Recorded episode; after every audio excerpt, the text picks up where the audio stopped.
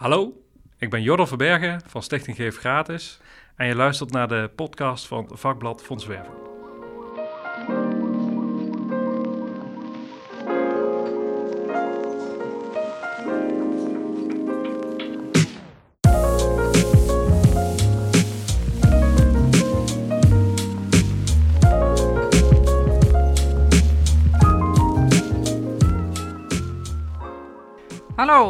welkom bij een nieuwe aflevering van In Gesprek.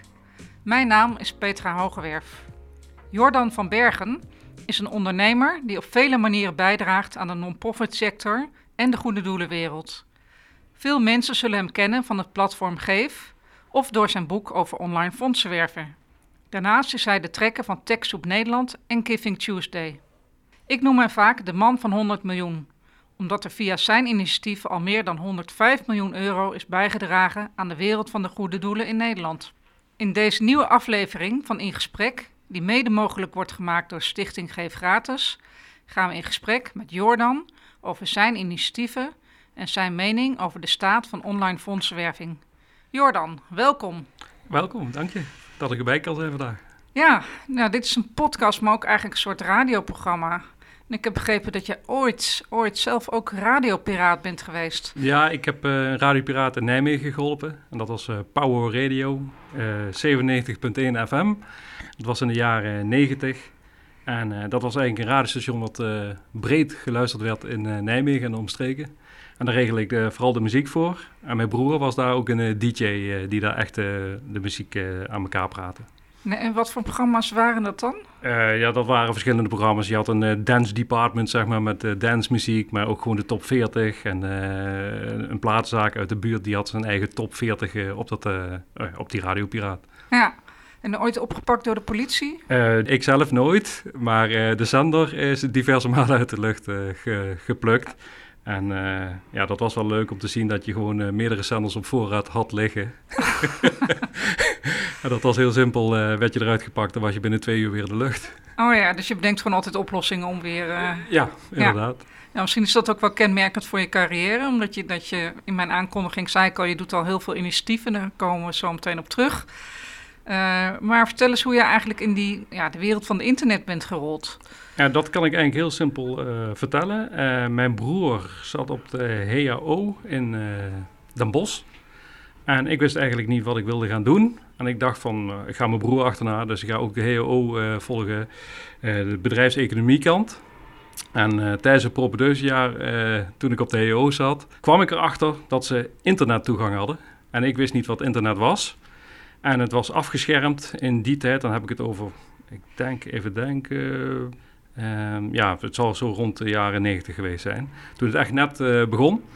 En uh, ja, ik heb het voor elkaar gekregen om als eerste leerling uh, de software zo te maken dat ik het internet op kon zonder dat het eigenlijk toegankelijk was voor de leerlingen. Dus, dus ook weer een beetje illegaal? Ja, dus een beetje illegaal. En dat zelfs de docent uh, informatica bij mij kwam om te vragen hoe hij de floppy kon kopiëren zodat hij ook op internet mocht. Ja. dus eigenlijk is het daar ontstaan. toen heb ik er dus eigenlijk heel weinig gedaan in het eerste jaar in die propedeuse ja, aan de HO ben ik eigenlijk me meer gaan verdiepen op uh, internet. En daar ben ik eigenlijk vanuit daar een uh, specialist op internet geworden. Zonder daar überhaupt ooit een uh, cursus of opleiding voor gevolgd te hebben. Nee, wat is je fascinatie met dat internet? Nou, eigenlijk toen ik dat leerde kennen op die HO, dat alle informatie vrij toegankelijk is. En vooral het, ja, het gevoel dat toegang gratis, ja, gratis toegang tot informatie. En dat is datgene ja, wat ik altijd fascinerend vind aan het internet. Nou, langzaam is natuurlijk het internet gewoon een commercieel verhaal geworden. Mhm. Dus dat, uh, ja, die grondbeginselen die zijn wel een beetje veranderd natuurlijk. Iedereen verdient nu geld met uh, internet. Maar het idee dat je nog steeds, uh, ja, kijk naar Wikipedia, alles gratis tot je beschikking hebt, ja, dat fascineert mij. Ja. En de, de, dat, dat is ook weer een rode draad die in jouw initiatieven zit, hè? zeg maar de piraterij en, en de wereld van de internet. Maar hoe kom je dan op het derde spoor van die goede doelen? Nou, dat is eigenlijk heel simpel. Uh, ik heb zelf uh, gedoneerd aan een goed doel via het uh, platform fondsen.org in 1999. dat was al toen een platform? Ja, dat was toen een platform wat online stond. En ik had daar, en dat was het guldentijdperk nog, ik had daar uh, 10 gulden gedoneerd, gedoneerd aan het Wereld Natuurfonds. En ik dacht, mooi, Ik heb mijn bijdrage gedaan aan een goed doel. Uh, alleen toen ben ik die site in de gaten gaan houden en bleek dat uh, Goede Doelen daar 7.500 gulden per jaar betaalde om op die website te staan. Nou, ja. daar is op zich niks op tegen natuurlijk, als daar ook gigantische inkomsten tegenover staan. Ja. Alleen na twee jaar riep Fondsen.org, we hebben meer dan 100.000 gulden opgehaald met online donaties. En ik was gewoon een particulier die 10 gulden had gedoneerd. En ik dacht, nou, uh, 7.500 euro, uh, of uh, gulden per jaar, 40 goede doelen, dat is 3 ton, keer 2, 6 ton. En abonnementskosten die die website ingegaan zijn, terwijl er maar 100.000 opgehaald is. Ja. Dus ik voelde me als particulier zeg maar een beetje benadeeld, omdat mijn tientje ja, eigenlijk gebruikt was om die website te financieren. Ja. En vanuit daar ben ik gaan kijken, hoe zou ik als internetmannetje een bijdrage kunnen leveren aan de non-profit sector waarbij uh, alle goede doelen, wel of niet met een keurmerk, destijds de CBF-keurmerk, gebruik kunnen maken van professionele fondsenwervende diensten. Ja. Nou, en daar is eigenlijk, eigenlijk Stichting Geef Gratis uit uh, gerold. Ja. Dat heeft nog wel twee jaar geduurd. Ik werkte voor een internetbedrijf. En daar werkte ook Natja Poulou, die nu nog steeds in het bestuur van Stichting Geef Gratis zit. Uh, Natja is een Griekse.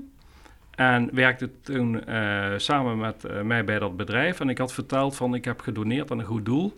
En eigenlijk is mijn geld naar die website gaan. En ik wil eigenlijk een stichting lanceren die professionele internetdiensten aan goede doelen levert, zonder dat daar een investering tegenover staat. En vandaar ook de naam Stichting Geef Gratis. En uh, Natje zei, fantastisch idee, maar we werken allebei fulltime. Dus ja, we hebben daar de tijd gewoon niet voor, dus uh, uh, leuk idee. Nou, en toen kwam de eerste crisis rond 2000, 2001. En toen werden wij om economische redenen allemaal ontslagen. En toen zei Nadja tegen mij en uh, ik in overleg met Nadja van... ja, we hebben nu toch geen werk. Is het niet, niet, nu niet tijd om uh, die stichting uh, te starten? Ja. ja. Zo gezegd, zo gedaan. Daar is de stichting Geef Gratis uit ontstaan. En eigenlijk geldt dat we ook samen weer binnen een maand aan het werk waren. Dus zaten we alsnog alles in de avonduren ja. ernaast te doen. Maar ja, zo is het eigenlijk ontstaan.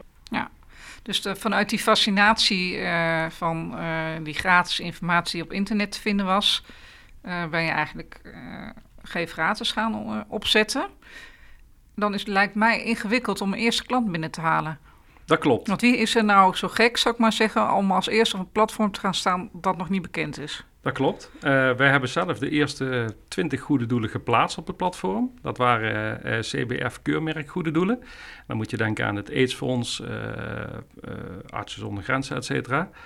Um, die waren dus helemaal niet op de hoogte dat ze op die website stonden. Dat is, ook, dat is ook altijd het idee, zoals dat, wat ik ook verteld heb met die radiopiraat. Je wil gewoon iets doen voor iemand. Dus je start gewoon. Zo, dat zit bij mij in de genen, zeg maar.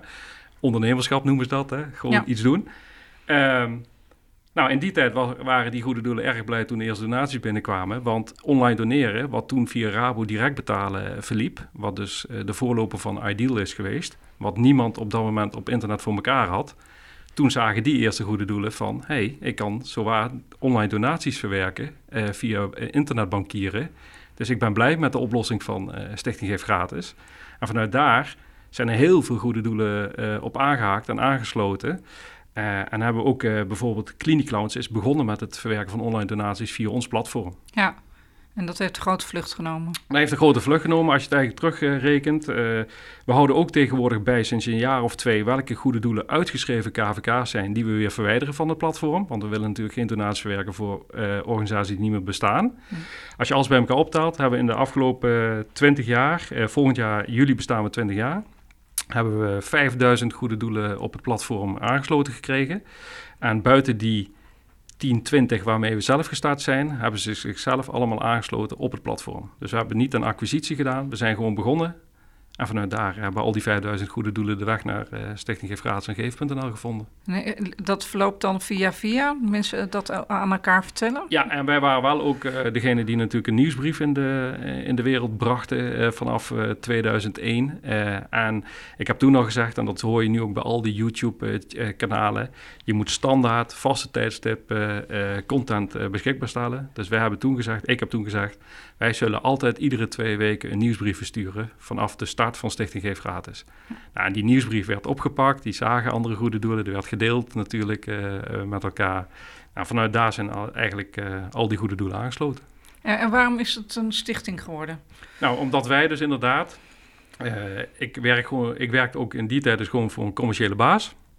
Uh, ik vond het niet kunnen om een uh, commercieel bedrijf rondom het verwerken van donaties op te starten. Uh, eigenlijk ook op basis van het voorbeeld wat ik aangaf hoe er gedoneerd was door mezelf via zo'n platform. We hebben gezegd, we moeten zonder winstoogmerk en op niet ja, professionele internetdiensten kunnen aanbieden. Dus het idee daarbij is altijd geweest om er niet zelf beter van te worden, maar inderdaad ja, zonder investering diensten aan te kunnen bieden waaruit je donaties kunt verwerken. Ja. Dan gaat ook een deel van eh, de donatie wel naar, naar de overhead. Ja. Dat is 5%. Dat is 5%. En bij ons is dat ook echt netto. Dus er komen geen uh, abonnementskosten bij. Er komen nog niet aparte transactiekosten bij. En er kom, komt ook geen BTW overheen. Wat je veel bij andere platformen wel ziet. Mm -hmm. Dus als goed doel zijn dat als je je aansluit op uh, geef.nl en je haalt in een jaar tijd maar 10 euro op aan donaties, dan ontvang je altijd nog 9,50 euro. Dus echt no cure, no pay is het eigenlijk. En zijn jullie daarmee dan de laagste in percentage? Heb je daar Wij zijn daar heel lang de laagste mee uh, geweest. Er zijn inmiddels uh, platformen uh, die lagere percentages doorberekenen. Dus we zijn zeker niet meer de goedkoopste. Wel zeker een van de goedkoopste. echter hebben wij ook zelf de berekeningen gemaakt. Wij denken dat je dit niet rendabel langdurig in stand kunt houden als je onder de 5% gaat zitten. Ja, nou, ik vind het wel belangrijk dat je daar transparant met over bent. Ja, en uh, wij zijn ook de stichting gestart om eigenlijk uh, om niet uh, fondswervende diensten aan te bieden aan non-profits.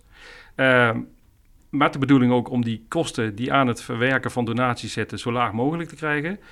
Wij vinden zelf al dat we bijna op het punt zijn beland dat we zeggen van onze missie is ook bereikt. Want nu zijn er allerlei andere platformen, et cetera, in de lucht gekomen waarmee tegen enorm lage kosten je gewoon online donaties kunt verwerken als uh, non-profit. En kan je iets zeggen, want je loopt dus al sinds begin jaren negentig mee, mm uh, hoe die uh, goede doelenwereld nou om is gegaan met de komst van internet? Ja, daar kan ik zeker iets over zeggen.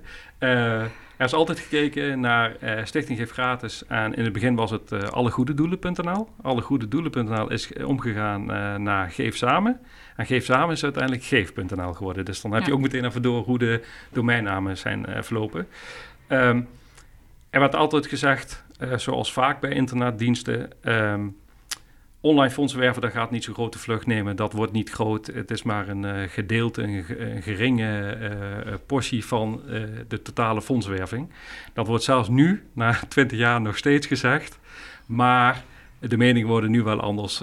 ook nu je tijdens de corona ziet natuurlijk dat iedereen zegt van...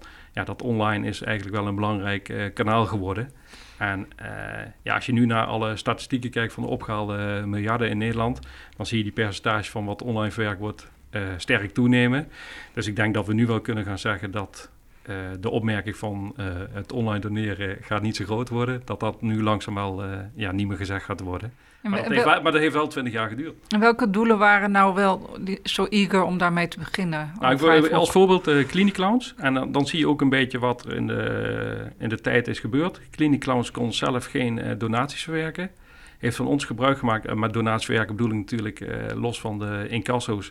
Het online doneren via internetbankieren. Wat toen dus via Rabobank direct verliep.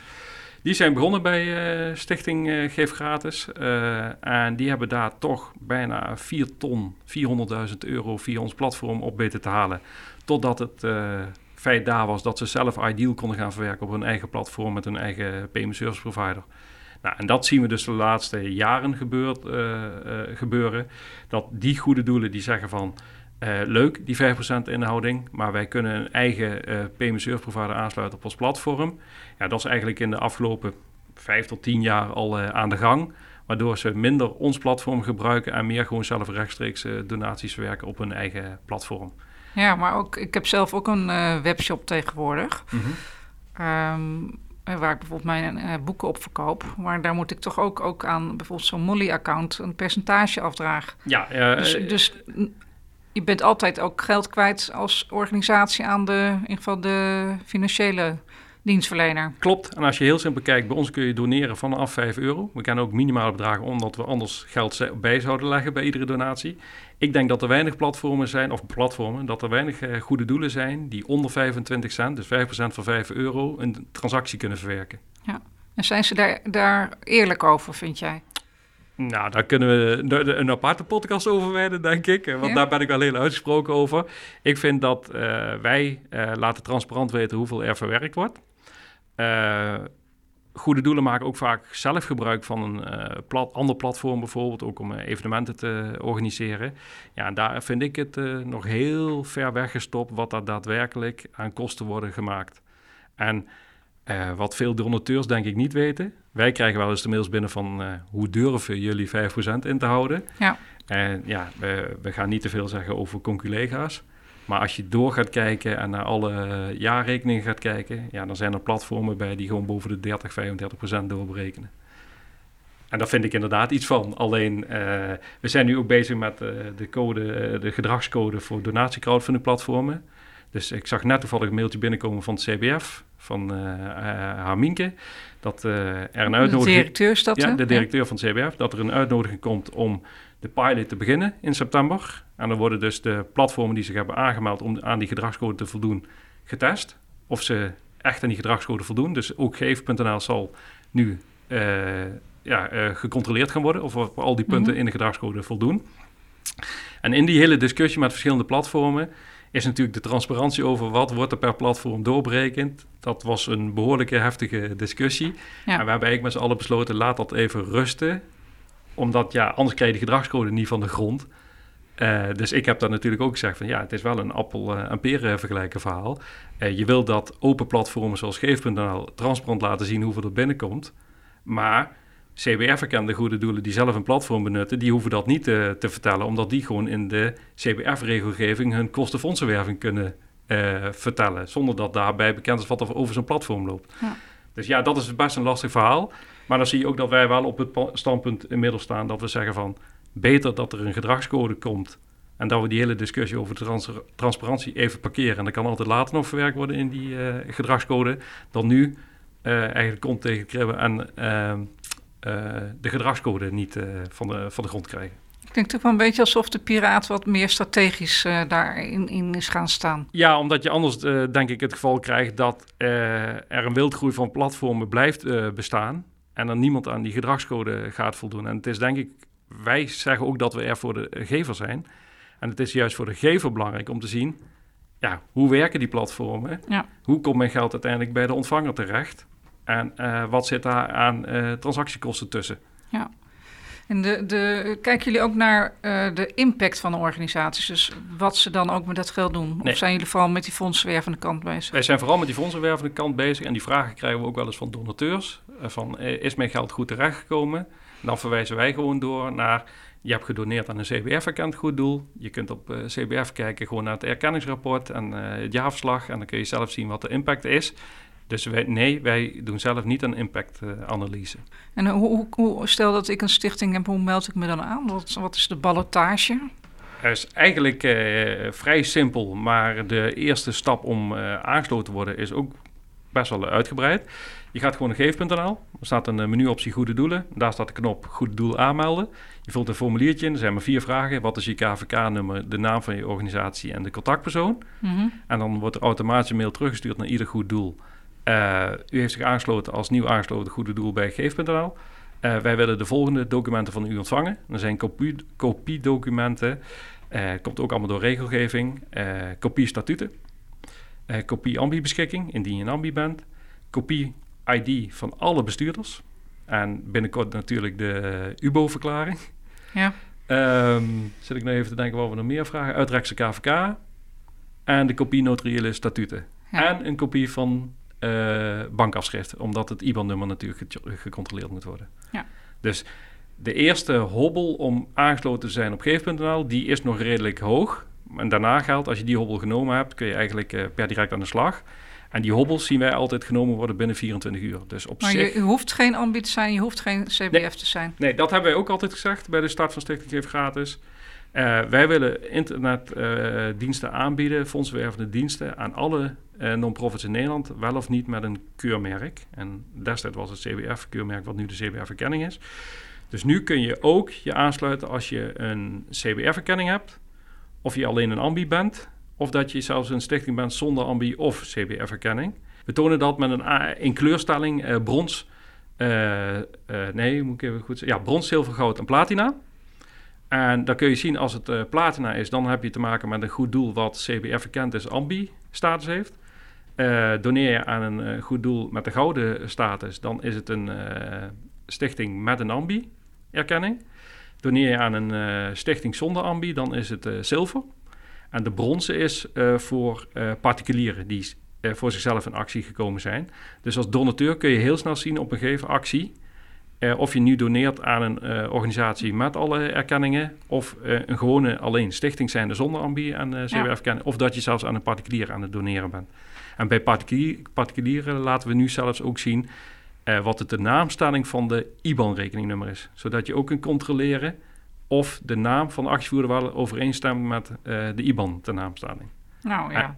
En eigenlijk is dat ook allemaal uh, voortvloeisel uit de discussie over de gedragscode die we samen met CBF aan het bekijken zijn. Ja. Dus wij denken dat uh, ons platform al aardig uh, aangepast is op al die punten die in de gedragscode gemeld worden. En zo werd er ook een vraag gesteld in de gedragscode.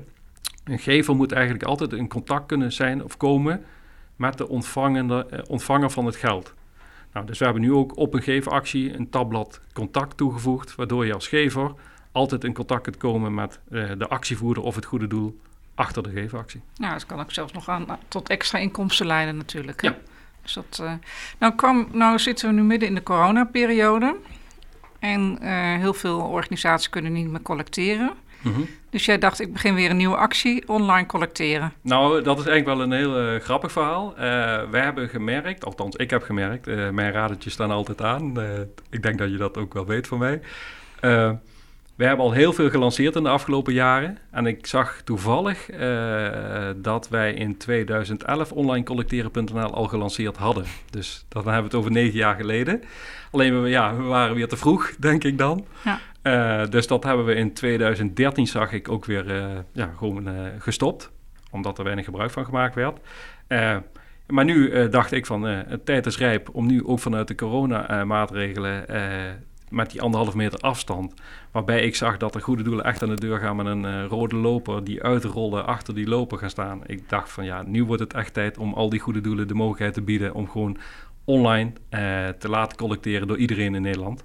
Dus uh, alle 17 miljoen uh, Nederlanders kunnen nu gewoon via online collecteren.nl voor hun favoriete goede doelen een online collecte starten.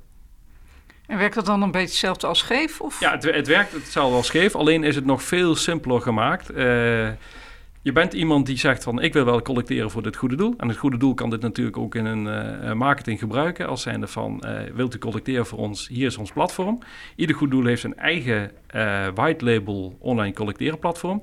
Kan zelf de kleurstelling aangeven. En het logo daarbij bepalen. En krijgt dus een, ik pak even voorbeeld, kika.onlinecollecteren.nl of uh, right2play.onlinecollecteren.nl. en dan is dat in de kleurstelling van dat goede doel. En iedereen kan daar dus zeggen: Ik wil collecteren voor dit goede doel. Je vult je naam in en je krijgt je eigen collectepagina. En dat kun je gaan delen onder je kennissen. En dan zie je ook een foto van de collectant. Ja, dat kan hij. degene die dus de collectepagina staat, die kan dus een profielfoto uploaden. En daarmee zie je de foto van de collectant. En dat wordt in de meeste gevallen ook zo gebruikt. Nu ben jij dus een grote adept van dat, dat uh, zeg maar de digitale fondsenwerving. Mm -hmm. maar niet zo'n voorstander van direct marketing en telemarketing. Je noemt dat zelfs agressieve push marketing. Ja, ik, ik, ik, ik kijk altijd naar push marketing en pool marketing. En bij push marketing vind ik het eigenlijk heel simpel gezegd. De term al iets wordt onder je neus geduwd en het is, uh, je moet moeite doen om er vanaf te komen. ja. En bij pool marketing moet je juist aan een donateur trekken om hem over te halen dat hij daadwerkelijk gaat doneren. En ik vind het uh, netter zelf uh, om mensen gewoon te benaderen vanuit een pool marketing strategie. Waarbij ja, de gever zelf bepaalt of hij wel of niet daar interesse in heeft en er gebruik van maakt. Nou, internet is een voorbeeld. Je kunt uh, alle marketing toepassen, online marketing, uh, social media marketing. Maar als die donateur niet wil geven, zal hij daar niet uh, zich toe geroepen voelen. En bij deur aan deurwerving en dan vooral de straatwerving, want daar heb ik het, ja, dat vind ik de, de ergste vorm van push marketing.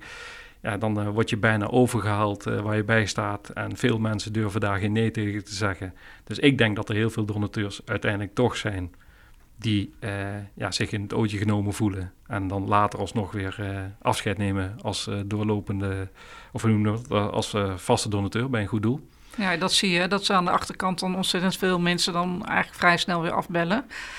Uh, en ik ben het ook wel met je eens in. Eh, ik vind altijd dat er een aantal principes gelden bij fondsenwerving. Dat, en het geven vanuit vrijwilligheid moet de basis zijn. Ja. Mensen mogen ook nee zeggen, omdat ze bijvoorbeeld minder geld hebben of andere redenen hebben. Uh, en jij zegt dat is binnen die online marketing, ja, want er zit niemand naast die hey, je onder druk zet. Maar aan de andere kant is er wel meer mogelijkheid tot fraude, denk ik. En bedoel je, je, geen, online? je hoeft geen vergunning te hebben om zo'n pagina te openen. Nee, dat klopt inderdaad. Uh, en daarvoor moeten die uh, punten die in de gedragscode zitten natuurlijk daarbij gaan helpen dat je iemand kunt controleren die een actie gestart is, et cetera. Uh, we hebben bijvoorbeeld ook bij het maken van een geefactie op geef.nl nu IDEN toegevoegd, dus de digitale identificatie. Dus wil je een geefactie starten op geef.nl, dan moet je jezelf nu identificeren net zoals dat je een ideal transactie doet met IDEN. Ja, daarmee heb je in ieder geval de persoon geïdentificeerd die achter de gevenactie zit. En allemaal in het kader van het voorkomen natuurlijk van fraude door, uh, hoe noemen we dat, actievoerders. Ja. En uh, over de pushmarketing gesproken, ik ben zeker niet tegen doorlopende machtigingen. Ik weet dat vaste donateurs natuurlijk het belangrijkste is voor alle goede doelen. alleen de straatwerving heb ik echt wel een, ja, zelf een, ja, ben ik er niet helemaal eens met die manier van werven. Ja, terwijl dat vanuit de fondswerftheorie, de face-to-face uh, fondswerving het meest effectief is. Weet ik. maar eigenlijk, wat jij zegt, is daar zit te veel push in en mensen durven, het zit ook vaak in de openbare ruimte en daardoor durven ze niet nee te zeggen. Mijn belangrijkste kritiek eigenlijk op straat, straatwerving is dat, is dat degenen die daar staan betaald worden. Juist, en uh, op provisiebasis. En dat zijn de studenten. En studenten zijn ook slim. Die weten natuurlijk op basis van provisie... kan ik een redelijk bedrag per uur verdienen. Maar dan moet ik wel zoveel mogelijk doen om dat bedrag ook binnen te halen. Dus die zullen ook alle manieren verzinnen of bedenken... om diegene uh die tegenover hen staat over te halen om donateur te worden. Nou, in mijn geval word ik bij ons adviesbureau ook vaak, vaak gevraagd om op provisiebasis te werken. Uh, maar wij doen het ook niet, juist omdat je uh, meerwaarde moet leveren en niet, niet gericht moet zijn om het binnenhalen van geld aan zich. Ja, en ik, ik heb zelfs in het verleden gehoord dat ze juist een no Q, no pay verhaal geen goede manier vinden om fondsen te werven. Nou, dat vond ik juist weer een rare redenatie. Want ik denk inderdaad van, als je naar geef.nl kijkt, wat wij zeggen, dit is een no Q, no pay. Er, is zelfs, er zijn stemmen opgegaan om no Q, no pay in de fondsenwervende wereld en non-profit sector tegen te gaan. Waarbij ik dacht, nou, dat is toch juist fantastisch. Maar de, de reden erachter snapte ik wel dat er juist bij no Q, no sommige bedrijven zijn die dan een gigantisch percentage vragen. Nou, dat is bij ons niet aan de orde. Dus ja, nou, en het percentage bij jullie gaat vooral op aan, aan uh, overheid en niet zozeer aan, aan winstbejag. Nee, uh, overheid kan ik zeggen, ook in het kader van de regelgeving met het verwerken van transacties, uh, komt er allemaal nieuwe regelgeving vanuit de banken, uh, et cetera. waarbij eigenlijk geldt dat aan de inkomende geldstroom en nu aan de uitgaande geldstroom voor platformen zoals Geef.nl, ja, de kosten echt behoorlijk gaan stijgen de komende jaren. Maar er komt er gewoon 0,6% kostenverhoging bij. Nou, als je dat op 3,5 miljoen kijkt, is dat gewoon uh, ja, 20.000 uh, euro per jaar extra aan kosten. Dat moet je ook allemaal integreren binnen je platform. En dat was de goedkoopste variant. Ja. Wij zijn echt uh, wel die partij die altijd naar ons, naar ons eigen model kijken. Waarvan we zeggen die 5% willen we sowieso hanteren. We willen het eigenlijk nog lager krijgen. Uh, dat is dus lastig nu vanwege de nieuwe regelgeving op uh, de betaalstromen. we denken zelfs dat het daardoor nu juist moeilijker wordt voor ons om ja, om zeg maar rendabel uh, de boel in de lucht te kunnen houden. Dus uh, we gaan het zien. Uh, Want ik, ik heb de, soms denk ik van er moeten ontzettend veel mensen werken bij die stichting, maar dat is helemaal niet zo. Nee. En bedoel je dan onze stichting? Ja, of? ja, ja nee, nee dat, dat is niet zo. We hebben een bestuur van drie personen. En ik ben degene die uh, de dagelijkse werk doet. En is dan de stichting geen gratis ook een CBF-keurmerk? Nee, we hebben een CBF-erkenning aangevraagd. Uh, dat was eigenlijk uh, akkoord. Uiteindelijk paste platformen zoals uh, Geef, dus donatiecrowdfunding platformen, niet in de werkingssfeer. Zo zeg ik het goed, geloof ik. Oh, ja. En eigenlijk is de, die gedragscode waar we het al over hadden, is een opmaat naar de mogelijkheid om een CBR-verkenning voor crowdfunding platformen te krijgen. Dus de volgende stap na de gedragscode gaat waarschijnlijk zijn... Uh, als donatiecrowdfunding platform kun je een erkenning aanvragen. Ja. Nou, dat staat allemaal nu nog in de, ja, hoe noemen in de stijgers. Dus of dat er ook echt gaat komen, moet nog blijken. Maar dat zou wel, uh, denk ik, heel mooi zijn. Ja, zeker. Ja. Dus dat, uh, nou, zet jij je ook in voor collectieve zaken?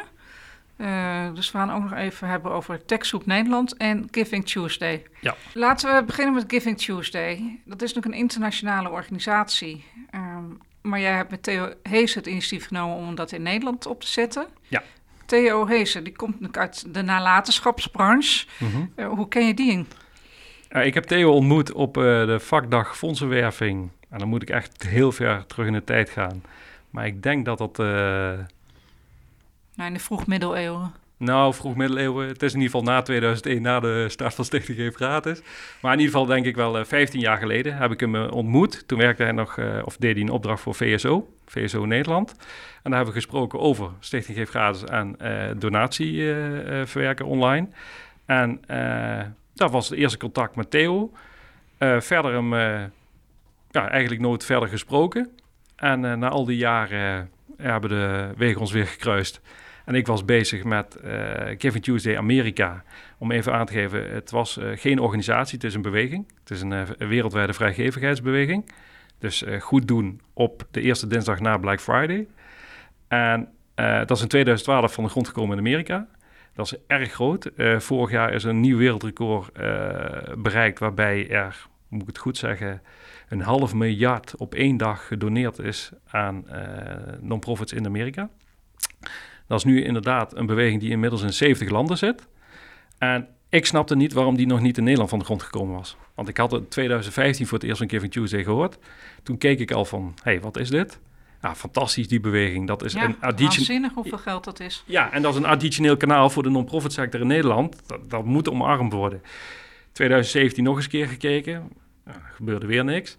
En eind 2018, nadat Giving Tuesday uh, al voorbij was in Amerika toen dacht ik van ja, dit moet gewoon in Nederland gehaald worden. En als niemand het doet, doe ik wel weer een poging. Ja.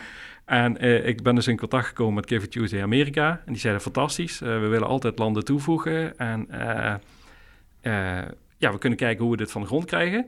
En toen belde net Theo mij op en die zei... Giving Tuesday, moeten we daar niet iets mee, Jordan, in Nederland? Ik zei, nou, je komt als geroepen. Ik heb al de connectie gelegd. En gezamenlijk zijn we toen verder gegaan. En binnen een week waren we eigenlijk de zoals ze dat noemen, de Global Leaders Giving Tuesday, de Netherlands. Ja. En uh, in Amerika hebben natuurlijk altijd mooie termen, principal hier en uh, et cetera, et cetera. Wij noemen ons gewoon de initiatiefnemer van de Giving Tuesday beweging. Dus het is geen entiteit, het staat niet op papier als een uh, organisatie. Het heeft geen statuten. Nee, het is gewoon een beweging. Ja. En de beweging is om eigenlijk iedereen goed te laten doen in, in de wereld. En dan ook voor een meer rechtvaardige en vrijgevige wereld. Ja, inderdaad. Een meer rechtvaardige en vrijgevige wereld. En um, dit jaar is de tweede editie. Vorig jaar was de eerste editie. En toen hebben we toch met uh, een 0 euro budget uh, behoorlijk uh, wat media-aandacht gekregen. We zijn in het RTL Nieuws geweest, Editie NL, ja, et cetera. bij de Koen en Zanders Show op Radio 538 ook nog geweest. Dus dat was wel gaaf om te zien. We hebben ook vorig jaar een live event georganiseerd... waarbij we acht uur lang non-profits geïnterviewd hebben... die vertelden wat ze deden als organisatie en hoe ze Giving Tuesday toepassen. En uh, zelfs uh, eh, 300.000 plus euro uh, donaties op die ene dag verwerkt op de eerste editie. Ja, en waanzinnig veel goede doelen die meiden. Ja, 250. En dit jaar pakken we het op een andere manier aan, waarbij die goede doelen zich kunnen presenteren op een landkaart, eigenlijk de kaart van Nederland. En wij zullen natuurlijk daar de media op de hoogte brengen van het is weer Giving Tuesday. En wil je kijken wat er, welke goede doelen iets met Giving Tuesday gaan doen, kijk op de kaart. En er staan er nu al zo'n, uh, zag ik vanochtend, ik geloof 35 op. Ja, nou dat groeit wel door uh, naar 500 of zo. Ja, we hopen 500 eh, te halen, maar je moet zo zien. we hebben 250 deelnemers gehad die daadwerkelijk iets met Giving Tuesday gedaan hebben vorig jaar. Um, wij vinden degene die echt een actie organiseert rondom Giving Tuesday, dat dat natuurlijk als een echte deelnemer gezien kan worden. Uh, maar iedereen die natuurlijk Kevin Tuesday gebruikt tijdens de social media uh, campagnes, et cetera, zien we ook als een deelnemer. Dus die 500 gaan we wel halen, denk ik. Maar echt diegene die zich op de kaart zet en laten zien wat ze doen, met een video erbij, dat zullen er denk ik 100, uh, 150 zijn. En is nou zo'n beweging ook een moderne manier van fondsenwerving, dat collectief is, dat spreekt, spreekt dat nou heel veel meer jongeren ook aan? Ja, we hebben uh, vanuit Amerika gehoord en we hebben het zelf nu na de eerste editie in Nederland ook gezien. Uh, Direct Research, een marktonderzoekbureau, heeft een onderzoek voor ons gedaan. Hebben ze trouwens ook gedoneerd aan de beweging. die hebben gekeken wat is de naamsbekendheid van Kevin Tuesday onder Nederlanders. En daaruit bleek al dat 1 op de 17 Nederlanders, of 16 uit mijn hoofd zeg ik het, ik geloof 1 op 16, kent de term Kevin Tuesday al. Uh, dus dat is al heel uh, wat, 6, 7 procent uh, na, het, na de eerste editie. En daaruit bleek ook dat juist de groep tussen 18 en 30 jaar bereid is om iets te gaan doen tijdens Giving Tuesday. En Giving Tuesday is natuurlijk een beweging die vrijgevigheid nastreeft. En vrijgevigheid, vrijgevigheid kan in alle vormen.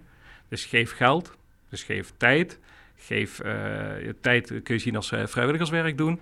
Uh, geef spullen, geef je kennis aan een organisatie. Dus dat kan iedereen naar zijn eigen manier invullen. als je maar goed doet voor een ander. Hm. En daarnaast heb je natuurlijk ook nog sponsors. Van Giving Tuesday zag ik. Ja, we hebben vorig jaar dus een en ander gedaan vanuit een 0 euro budget. Dit jaar heeft de ASN-bank funding gegeven aan de organisatie. En de ASN Bank gaat dus ook Giving Tuesday onder de aandacht brengen onder hun klantenbestand. En wij zijn er natuurlijk heel happy mee, want we kunnen nu echt een social media campagne rondom Giving Tuesday lanceren dit jaar. Ja. Nou, dan hebben we tot slot nog TechSoup Nederland. Mm -hmm. Dat is eigenlijk misschien wel de meest indrukwekkende qua hoeveel geld daarmee is gerealiseerd. Ja, vind ik zelf ook. En veel mensen weten dat eigenlijk niet. Um, TechSoup is een software- en hardware donatieprogramma waarbij er dus software en hardware gedoneerd wordt aan non-profits. En die commerciële waarde van uh, de licenties, die bespaar je dus als non-profit door gebruik te maken van dat programma. En wat veel organisaties eigenlijk niet weten, is dat daar al 85 miljoen plus euro mee bespaard is in uh, de non-profit sector. Ja, in hoeveel jaren? Uh, 2008 begonnen, dus 12 jaar. Ja. ja, 11 jaar, volgend jaar 12 jaar. Ja. Ik sta er zelf ook wel versteld van. Sinds vorig jaar 2000 zeg ik het goed, 19 jaar, werk ik fulltime voor Stichting Geef Gratis. Dan ben ik dus bezig met Geef.nl, uh, TechSoup. En in de uur van Geef Gratis heeft het bestuur gezegd, mag je je ook inzetten voor de Give Tuesday beweging. Dus dat is ook fantastisch. Um, ja, toen ben ik eens terug gaan kijken rustig. Toen dacht ik ook van, nou, het is inderdaad uh, over de 100 miljoen gegaan in, de, in die jaren dat ik hiermee bezig ben geweest. Ja, dat, ik vind dat heel erg indrukwekkend. En het is, het is dus heel bijzonder dat je als uh, goed doel of non-profit organisaties hier gratis of met korting licenties kunt krijgen voor je software. Mhm. Ehm, ik heb het ook opgenomen uh, in mijn boeken. Uh, omdat ik juist denk dat dat zoveel meer aandacht verdient. Omdat software een structureel kostenpost is voor veel organisaties. Dus de, ik zag in ieder geval dat het bijvoorbeeld het COC dankbaar was voor het gebruik daarvan. En ook heel veel kleine organisaties. Ja, en je moet eigenlijk zo zien, we hebben drie pijlers bij TechSoup. We hebben het soft- en hardware donatieprogramma, waarbij de, de soft- en hardware echt gedoneerd krijgt of via een discount. En we hebben natuurlijk de clouddiensten en dat werkt bij ons als zijn de validatiediensten. Dus wij valideren de organisaties om gebruik te kunnen maken van uh, donaties door grote partijen zoals Microsoft, Google, etc. Dus wij controleren of een organisatie voldoet aan de criteria die gesteld zijn door die donoren. En mhm. voldoe je, dan krijg je dus toegang tot dat programma. En zo kunnen dus ook uh, goede doelen gebruik maken van, uh, hoe noemen we dat, uh, software die gedoneerd wordt als een box software, zoals Office 2019, de, gewoon de software als pakket. Of van online Office 365, dus de clouddiensten van Microsoft. Dus daar zit een, een beetje een verschil in. Of je krijgt je donatie via TechSoup als zijnde de donatieprogramma. Of we valideren je als organisatie waarbij je gebruik kunt maken van de clouddiensten die donoren aanbieden. Ja. En dit is een samenwerkingsverband ook onder andere met Belgische partners? Ja, wij als uh, Stichting Geef Gratis zijn partner in TechSoup Nederland. Wij promoten eigenlijk uh, TechSoup uh, Nederland als het software- en hardware donatieprogramma zijnde. Maar de hele backend en de hele klantenservice wordt gedaan door Socialware VZW. Dus Vereniging Zonder Winstoogmerk Socialware. Die begeleidt het hele verhaal van aanvraag tot een donatie en de verwerking van de donatie. En het is een combinatiepartnerschap tussen TechSoup Global, Socialware VZ2 in België en Stichting Geef Gratis. En het heeft dus ook geen entiteit in Nederland. Uh, alles wordt verwerkt via Socialware VZ2 in België. Ja. Nou, denk ik, nou, deze man heeft het druk genoeg met al deze activiteiten. Maar heb je ook nog andere toekomstplannen of, of dromen? Ja, ik heb uh, nog veel meer uh, in petto, zeg maar.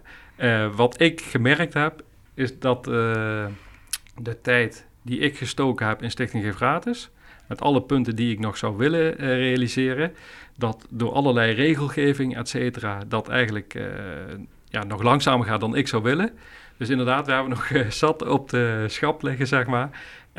Wat ik nog wel wil aangeven is dat ik ben zelf begonnen om te doneren. Als we het verhaal rondmaken, die 10 gulden die ik gedoneerd had, als particulier zijnde, staan wij ook als Stichting Geef Gratis voor de gever. Wij richten ons op de gever en wij vinden ook dat de privacy van de gever gewaarborgd moet worden.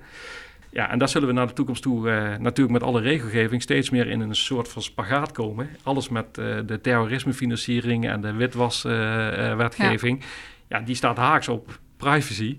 Dus je hoort al die geluiden van je mag niet meer anoniem doneren. Nou, wij vinden nog steeds dat anoniem doneren een belangrijk goed is. Ja. En dat zullen wij zo lang mogelijk blijven verdedigen en aanbieden via ons platform. Ja, dus dat vergt ook enige strijd richting de politiek. Nou, ik zie je al daar uh, als piraat uh, in voorop uh, lopen. ja, ik, ja, ik ben nu bezig vooral met het platform natuurlijk verder uitwerken. maar naar de toekomst toe zal ik denk ik ook meer en meer ook weer op de stoel van de gever gaan zitten. Ja. En daar kan er van alles uit voortkomen natuurlijk. Nou, ik ben heel benieuwd. bedankt Jordan.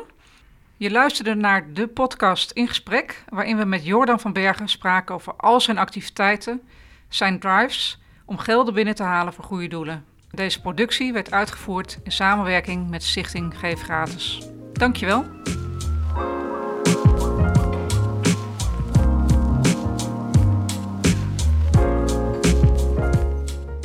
Bedankt voor het luisteren naar deze podcast van Vakblad Fondsenwerving. Deze aflevering werd gemaakt in samenwerking met Verleda en geproduceerd door Marijn Thijs. Meer podcasts luisteren? Ga naar fondswerving.nl slash podcasts Spotify of iTunes en abonneer je via je favoriete podcast app.